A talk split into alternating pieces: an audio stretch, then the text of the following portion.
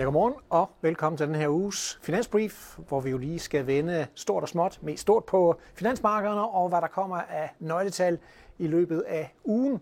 Og øh, vi skal selvfølgelig også lige kaste et blik bagud, men måske skal vi lige dvæle en lille smule i weekenden, fordi der fik vi jo faktisk en aftale, der forhindrer, at USA's statsapparat bliver lukket ned. Det var det, der ligesom truede her øh, op til 1. oktober, at der ikke var finansiering øh, til den amerikanske stat, og derfor så kunne man risikere, at statsapparatet lukker ned.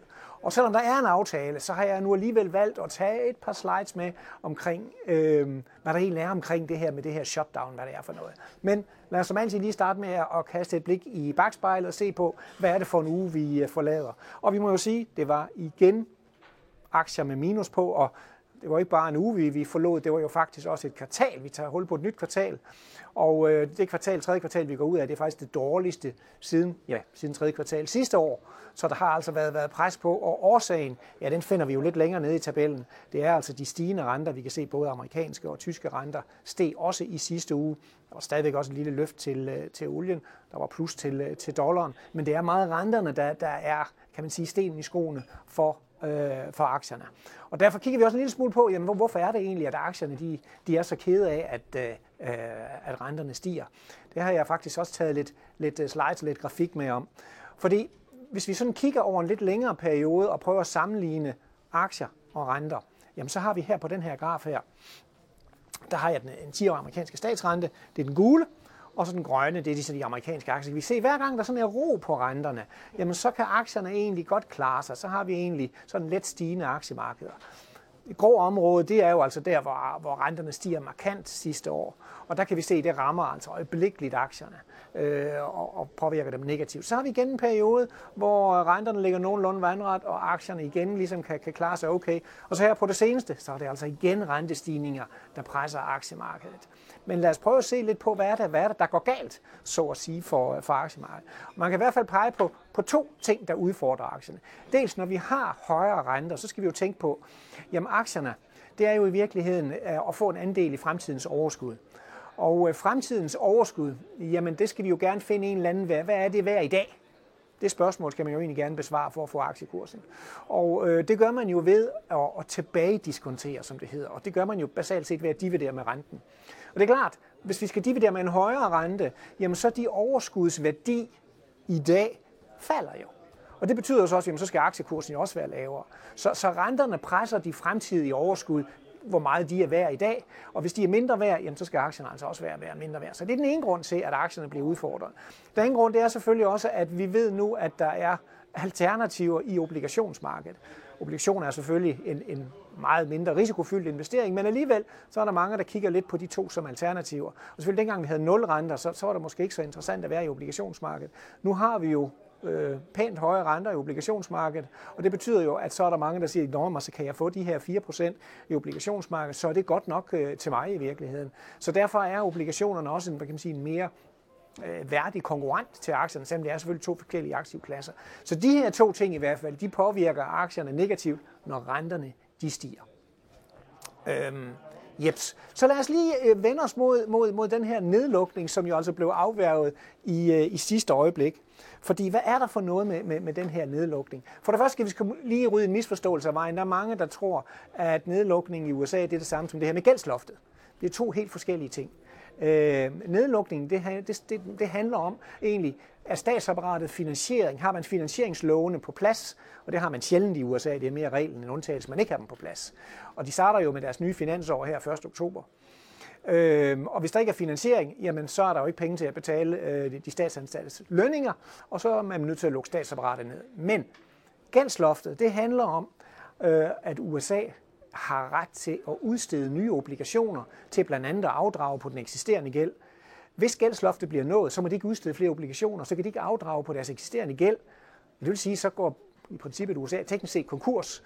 Og det er jo noget af det, der virkelig er alvorligt, at verdens, skal vi sige, største økonomi, sikreste, øh, kan man sige, sikreste øh, finansielle markeder går konkurs. Så det er derfor, det er det, som man er super bange for. Så man sådan lidt populært, så kan man sige, shutdown, jamen det er bordbomben, og gældsloftet, det er atombomben. Og det her, det var altså bordbomben, vi, vi, vi kigger på. Og som sagt, så er det mere reglen undtagelsen, at man ikke kan finde, kan finde finansiering. Så derfor har vi set det rigtig mange gange, at USA løber ind i de her øh, problemer.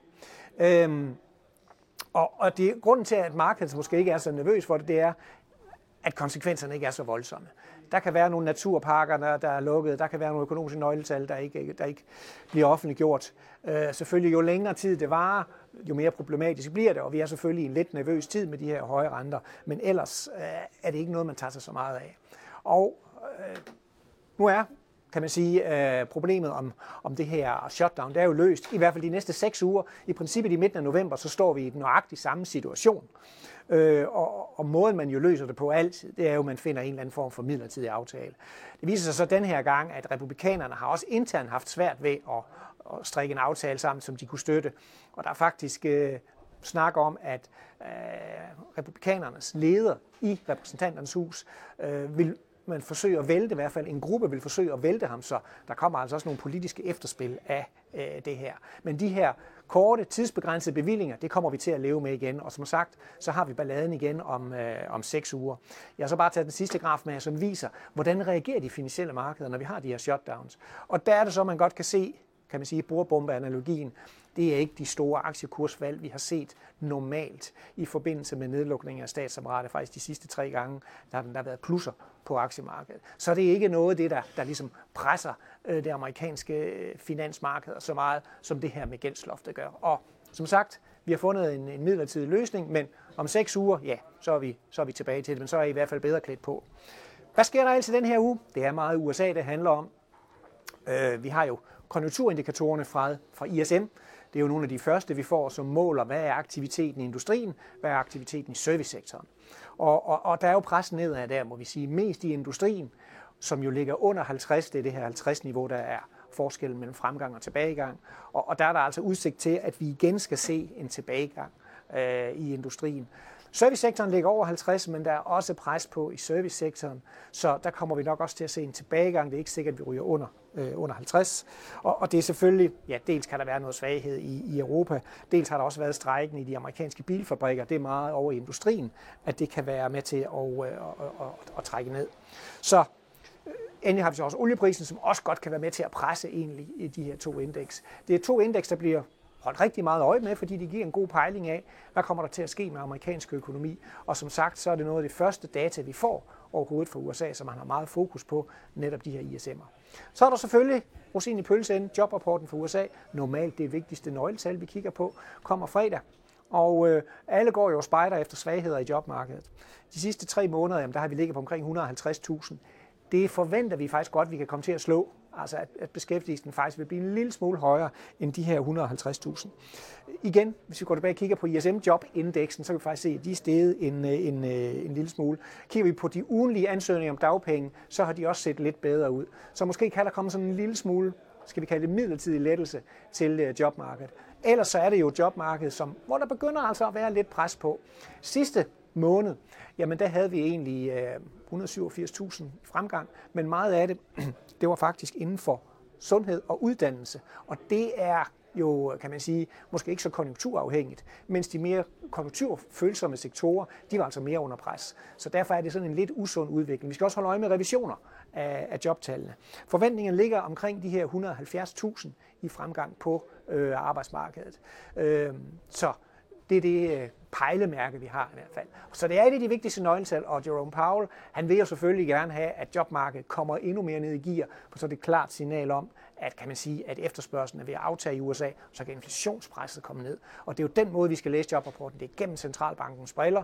Øh, bliver den alt for stærk, jamen, så bliver markedet nervøs, fordi så kommer der måske flere renteforhøjelser. Så markedet vil gerne have den her stille og rolige afdæmpning af det amerikanske jobmarked. Det er det, de allerhelst vil have. Jeps, det var det hele for den her uge. Tak fordi du kiggede med.